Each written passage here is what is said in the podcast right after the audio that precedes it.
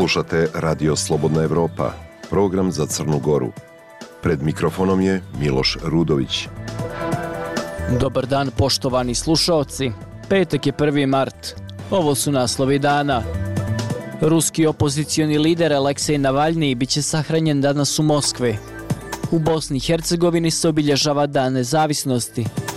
Srbi će uvijek biti uz Rusiju, čak i kada pogriješi, poručio Milorad Dodik. Ponovo odložena konstitutivna sjednica Skupštine grada Beograda. Ujedinjene nacije traže nezavisnu istragu o smrti palestinaca koji su čekali isporuku pomoći. U Iranu parlamentarni izbori za Skupštinu eksperata. U današnjoj emisiji između ostalog poslušajte. Više od četvrtine nastavnika doživjelo je neki vid nasilja, bilo od strane učenika, roditelja, kolega ili rukovodstva škole.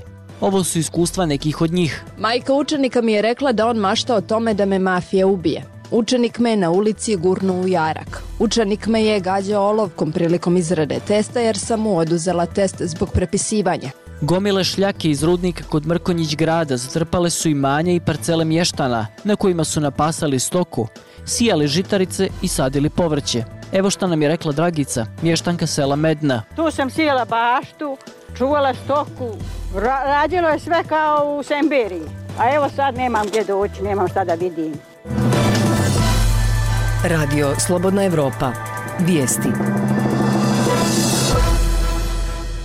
U Bosni i Hercegovini obilježava se dan nezavisnosti. Na ovaj dan prije 32 godine održan je referendum na kome izlaznost bila gotovo 64%, a 99% građana odabralo izlazak iz Jugoslavije. Američki ambasador Michael Murphy kazuje da su Sjedinjene države ponosne na snažno bilateralno partnerstvo dvije države. Ambasador je dodao i kako će Amerika nastaviti da podržava teritorijalni integritet, suverenitet i multietnički karakter Bosne i Hercegovine, kao i njenu integraciju u evroatlanske institucije. Bosna i Hercegovina inače nema zakon o praznicima, zbog čega svaki entitet slavi različite datume. Dan nezavisnosti se slavi u entitetu Federacije BiH, gdje je neradni dan, dok je u drugom dijelu Republici Srpskoj radni dan. Razlog je što u Republici Srpskoj smatraju kako je referendum 1. marta 1992. godine bio uvod u rat, te da je BiH nastala potpisivanjem Dejtonskog sporazuma 21. novembra 1995. godine, kada je u ovom BiH entitetu neradni dan.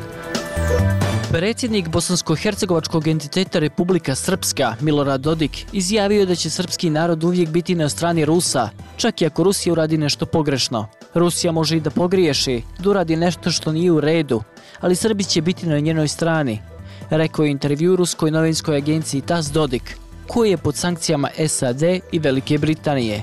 Dodao je da zapadne zemlje pokušavaju da nametnu svoje stavove Srbima, kao i da ih kazne sankcijama, ali da Zapad neće moći da promijeni stav Srba prema Rusima. Predsjednik jednog od dva bosansko-hercegovačka entiteta sastao se 21. februara sa predsjednikom Vladimirom Putinom, četvrti put od početka invazije Rusije na Ukrajinu. Predsjednik entiteta je ocijenio da srpski ruski narod spaja pravoslavna vjera, prevrženost istim političkim principima, ljubav prema otačbini, patriotizam i želj za slobodom. Konstitutivna sjednica Skupštine grade Beograda, koja je trebalo da se održi 1. marta, ponovo je odložena. Sjednicu je zakazao funkcioner vladajuće Srpske napredne stranke Aleksandar Šapić. Međutim, on je prije početka sjednice saopštio da će ona biti odložena za nedjelju 3. mart, kada je posljednji rok za konstituisanje. Odbornici opozicije su u sali držali plakate sa natpisima Beograd vas ne želi i džaba ste krečili. Na izborima 17. decembra nijedna lista ili partija nije osvojila dovoljno glasova da bi formirale vlast u Beogradu. Evropski parlament je umeđu vremenu svoju rezoluciju kojim se traži međunarodne istraga o navodnim nepravilnostima tokom izbora, kao i suspenzije evropskih fondova ukoliko se dokaže da su vlasti bile direktno umješane u izbornu prevaru. Generalni sekretar Ujedinjenih nacija Antonio Guterres zatražio je nezavisnu istragu o smrti desetina palestinaca koji su čekali na isporuku pomoći u sjevernom dijelu pojasa Gaze. Izraelski vojnici su u četvrtak pucali na palestince koji su pokušavali da dođu do isporuka hrane u haotičnom incidentu. Ministarstvo zdravlja Gaze pod kontrolom Hamasa kojeg SAD i Evropska unija smatraju terorističkom organizacijom, navodi da je u incidentu ubijeno više od stotinu ljudi. Izraelska vojska je saopštila da se dogodio stampedo, kada su hiljade očajnih stanovnika u Gazi opkolili konvoj s 38 kamiona s pomoći, poslije čega su desetine poginule i povrijeđene, između ostalog i tako što su ih pregazili kamioni. Tursko ministarstvo spoljnih poslova ocijenilo je taj događaj još jednim zločinom protiv čovječnosti. U Iranu se održavaju parlamentarni izbori, zajedno s glasanjem za popunjavanje moćne skupštine eksperata. To su prvi izbori od protesta 2022. godine zbog strogih islamskih pravila oblačenja za žene, podstaknutih smrću Marse Amini, dok je bilo u pritvoru moralne policije. Više od 61 milion ljudi u Iranu ima pravo glasa za mjesto u parlamentu i skupštini eksperata, uticajnom vijeću sveštenika koji bira iranskog vrhovnog vođu. Smatra se da će predstojeća skupština eksperata, koja se bira na osmogodišnji mandat, imati ključnu ulogu s obzirom na godine Ajatolaha Ali Hamneija. Međutim, izbori se dešavaju u jeku ravnodušnosti birača i obračuna vlasti protiv onih koji su pozvali na bojkot izbora.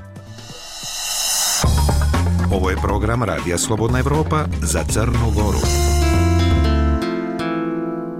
Svijet se oprašta od ruskog opozicionara i kritičara Kremlja Alekseja Navalnog, koji će danas biti sahranjen u moskovskom okrugu Marino, gdje je nekada živio.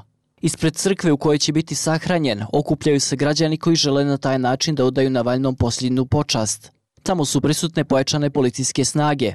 Memorialni skupovi organizovani su gradovima širom svijeta, od Australije do Sjedinjenih američkih država. Detaljnije u prilogu Mile Manojlović. Jake policijske snage u Moskovskom okrugu Marino kod groblja Borisovsko i građani koji, uprko strahu od mogućeg hapšenja, dolaze da se oproste od ruskog opozicionara i kritičara Kremlja Alekseja Navalnog. Agencija Reuters prenela je izjave okupljenih građana. Ja prijehao v Moskvu na pohranu Aleksejeva. Došao sam ovde u Moskvu na Aleksejevu sahranu da odam poslednju počast. Meni je to važno, mnogima je važno. Zato nisam video drugu opciju nego da dođem na sahranu. Nisam mogla da ne dođem jer mislim da ovom čoveku moram da odam poslednju počast. Da li ste se plašili? Mnogo smo se plašili, stigli smo rano i dugo smo stajali ovde skrivajući cveći i fotoaparate, ali sada shvatam da to treba da uradimo i progovorimo. Ruski servis Radija Slobodna Evropa prenosi da je ulaz na groblje strogo ograničen, pozivajući se na Ras News i Telegram kanal pod nazivom Možemo da objasnimo. Prethodnih dana su stotine građana širom Rusije uhapšene samo zbog polaganja cveća na improvizovane spomenike na Valjnom. Informacije o memorialnim skupovima u gradovima širom sveta od Australije do Sjedinjenih američkih država u čas Navaljnog dele se na društvenim mrežama.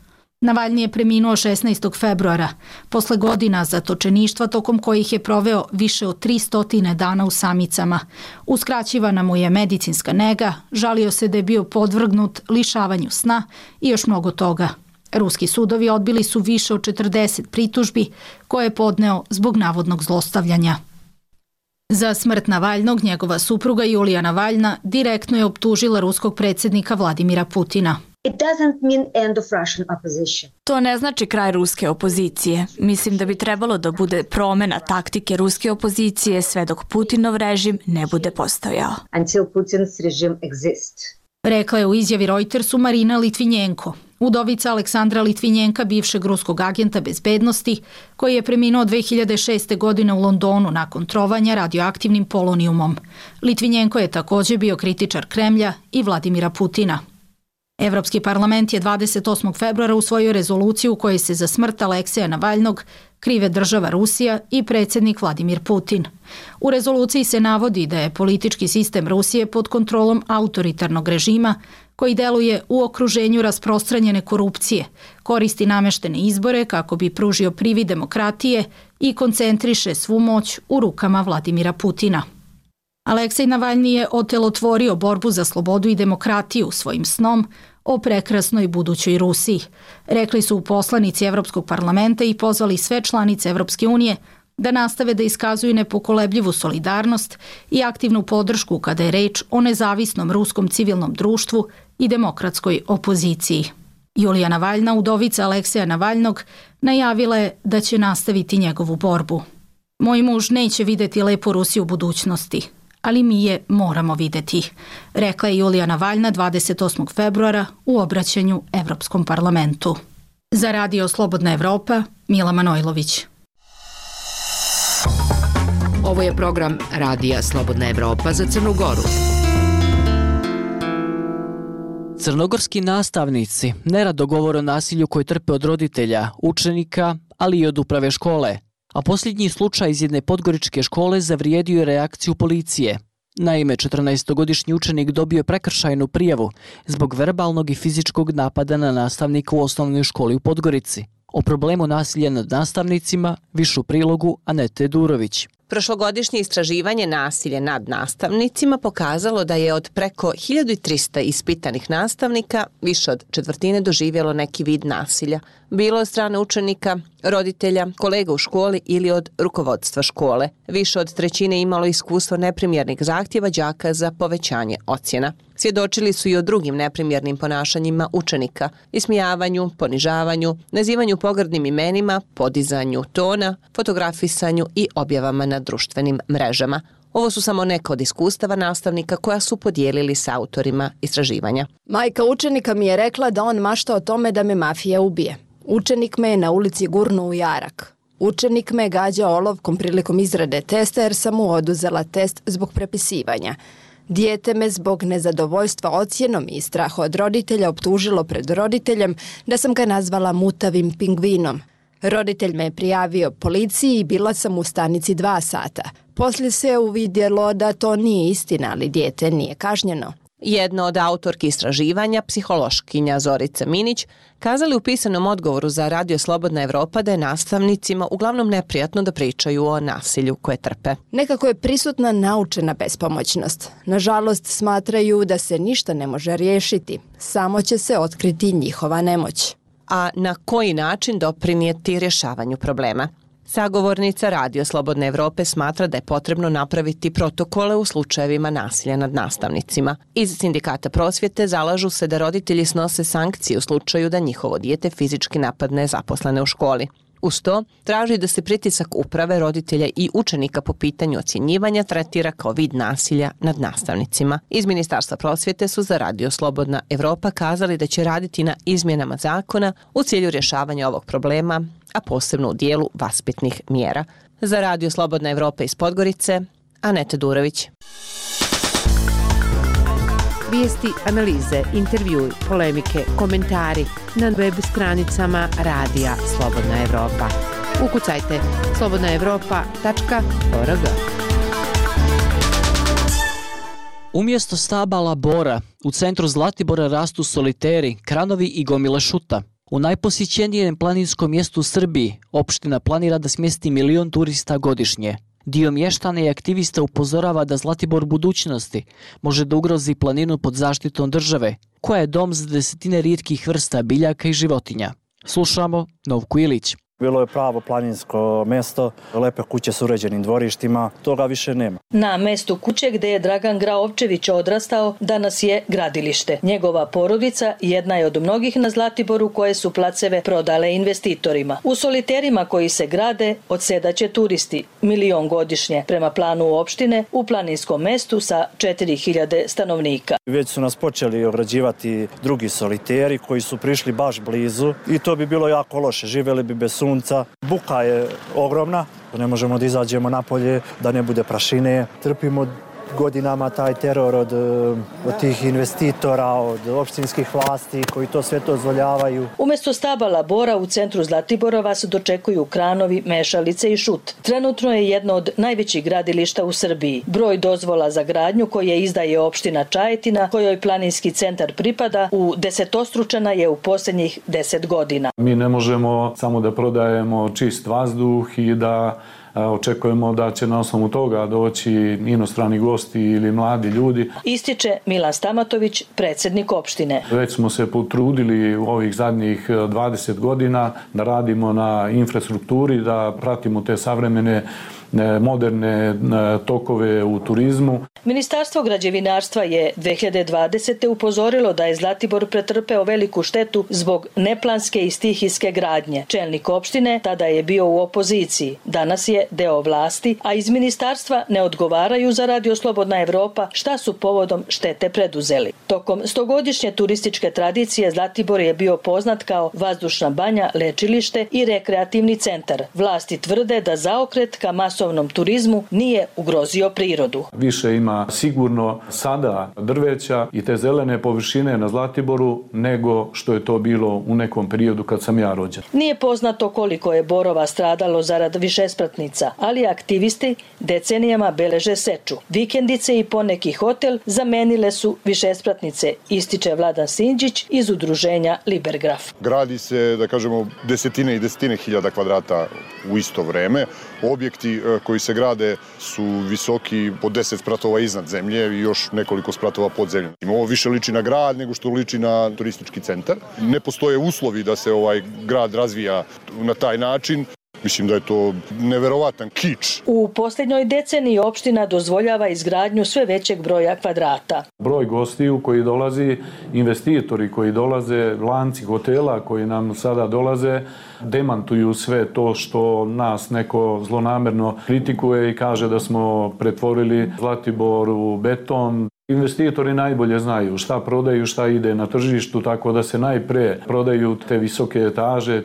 Na planini je 2023. bilo skoro 350.000 turista, što je svrstava u najposećenije turističko mesto u Srbiji. Bojana, Nikola, Strahinja i Biljana godinama dolaze na Zlatibor i svedoče promenama. Nije sve to baš toliko strašno koliko oni govore. Da sam pristalica neke hiperprodukcije u, u ovoj gradnji, ne, ali činjenica da je Zlatibor kao planina ogroman, pa ima verovatno i drugog nekog sadržaja koga šta interesuje. A bilo je lepše nekada.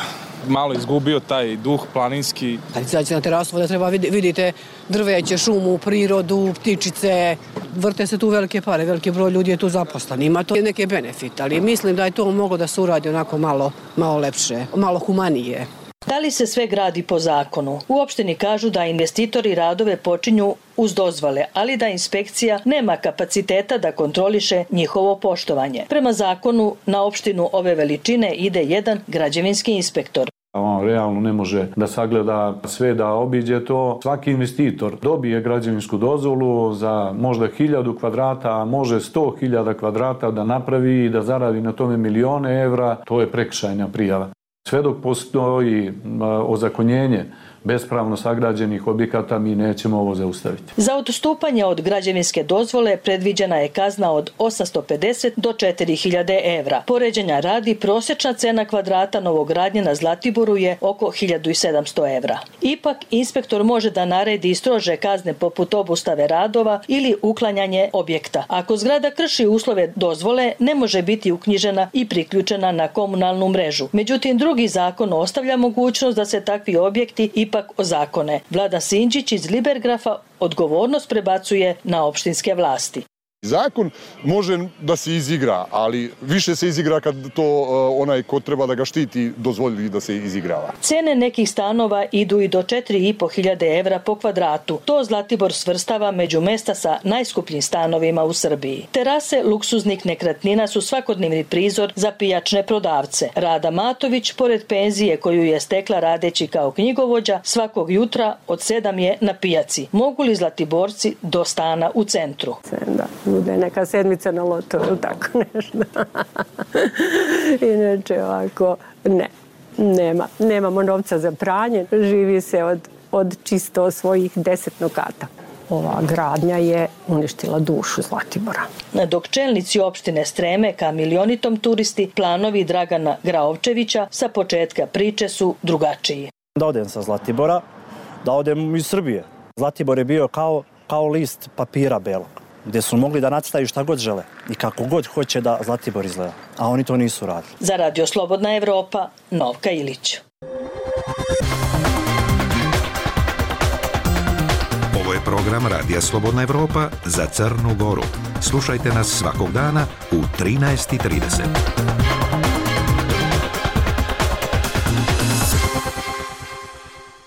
Gomile šljake iz rudnika Medna kod Mrkonjić grada zatrpale su i manje parcele mještana na kojima su napasali stoku, sijali žitarice i sadili povrće. Ogromna količina zemlje sve se više spušta ka štalama i kućama, a ekolozi i mještani upozoravaju da rudnik zagađuju obližnje potoke i riječice koje sulivaju rijeku Sanu. Ekolozi tvrde da se posljedice zagađenja vide desetinama kilometara nizvodno u opštinama Ribnik, Ključ i Sanski most. Prenosi Gojko Veselinović. Tamo gdje su prije dvije godine bili pašnjaci, bašte i oranice, dragice, mještanke sela Medna, sada je rudnik. Tu ugalj kopa preduzeće Medna NV iz Mrkonjić grada po osnovu koncesije dodijeljene u januaru 2021. godine. Data je na rok od 7 godina uz koncesijonu naknadu od 2,80 km po iskopanoj toni uglja. Dragica priča da je odlagalište šljake iz rudnika zatrpalo njene parcele, prilazni put štalama i da od njenog posjeda gotovo ništa nije ostalo. Imam tri duluma, ja mislim tri duluma, tu sam sijela baštu, čuvala stoku, Ra je sve kao u Semberiji. A evo sad nemam gdje doći, nemam šta da vidim. Rudnik se prema dozvoli trebao prostirati na nešto više od 3 hektara površine, ali mještani tvrde da je 3 do 4 puta veći. Dragica kaže da su pod zemljom ostale i njene parcele za koje nije obeštećena. Malo su nešto obeštetili, ali to je svega vrlo malo, a ove dolje glavne ovaj parcelu što smo sijali i radili, još nije ovaj obeštećeno ni ono koliko su obećali. Mi jedni moramo pristajati na koliko toliko kad vidimo da odnio đavo i zemlju i, i naše imanje i naš posjet. Kroz rudnik protiče nekada bistri potok Grabovica iz kojih su mještani uzimali vodu i napajali stoku. On se direktno ulijeva u riječicu Medljanku, pritoku Sane. Sergej Milanović, nezavisni odbornik u Skupštini opštine Mrkonjić grad, kaže da je potok teško zagađen.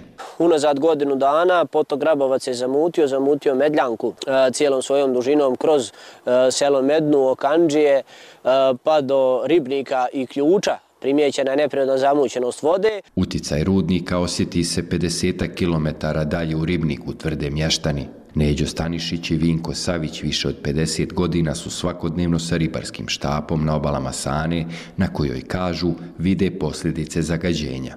Ona se povrino kad, kad su padavne muti, ali se to prođe. Međutim, u zadnje dvije godine primijetili smo da se dešava nešto čudno. Ona dobija sivu boju. Pa je bila ovo par dana boja kao bijeli kavi. A sad je su prestali to, sad je drugačije, ali svake godine je sve zagađenija.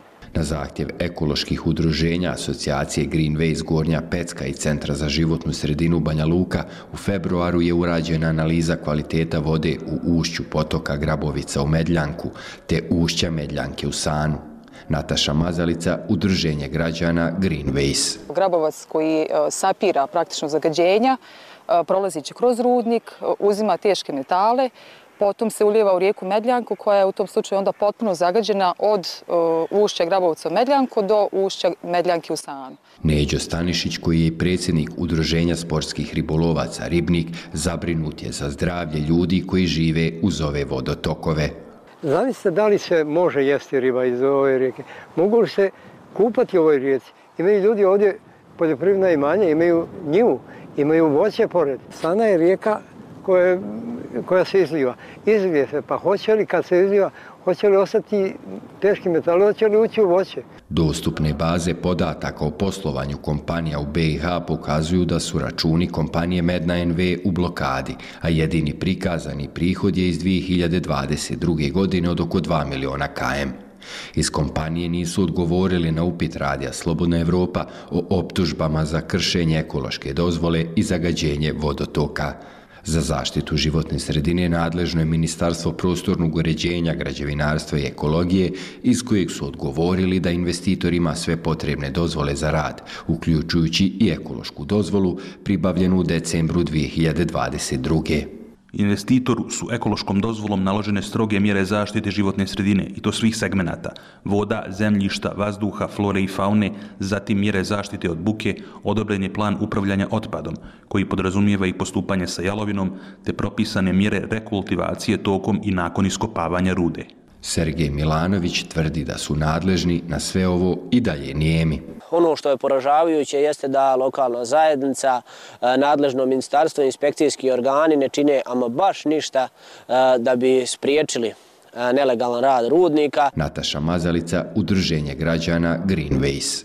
Mi smo nekoliko puta poslali dopise inspekcijskim organima, međutim nismo dobili adekvatne odgovore i evo i do dan danas zapravo vidimo da investitor i dalje zagađuje. Inspektorat Republike Srpske nije odgovorio da li su postupali po prijavama mještana i ekoloških udruženja.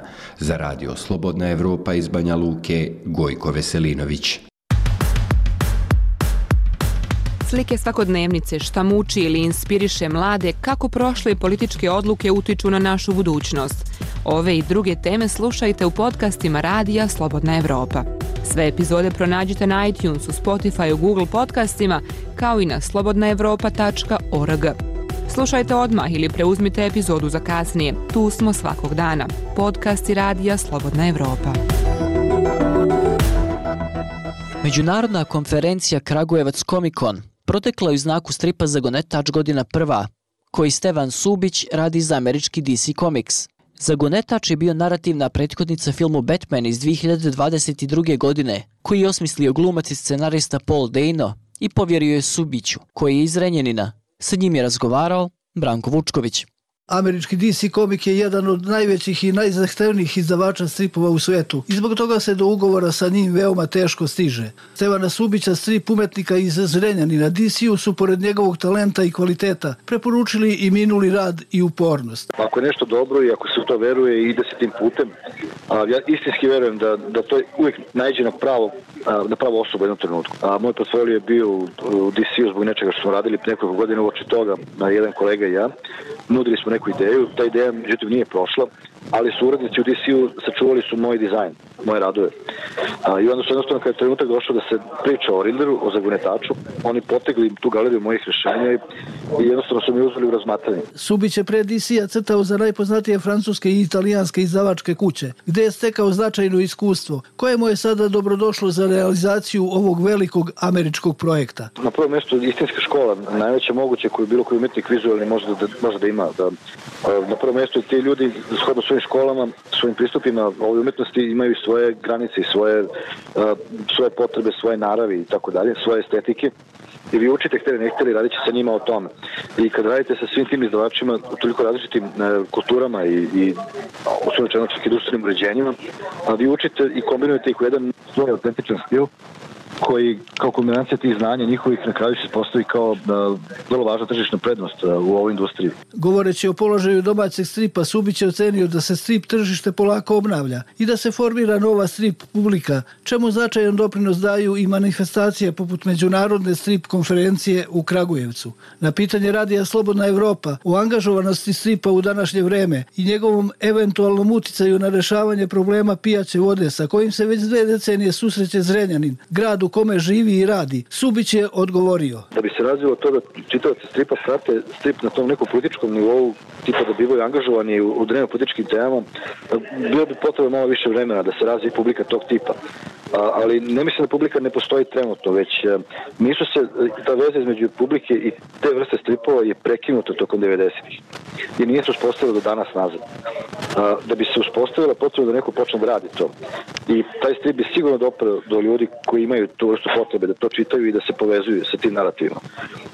Ubeđen sam u to, samo što nema i danas, jer možda ne postoji smelost da se bave ljudi tim temama na taj otvoren način. Radio Slobodna Evropa, Branko Vučković.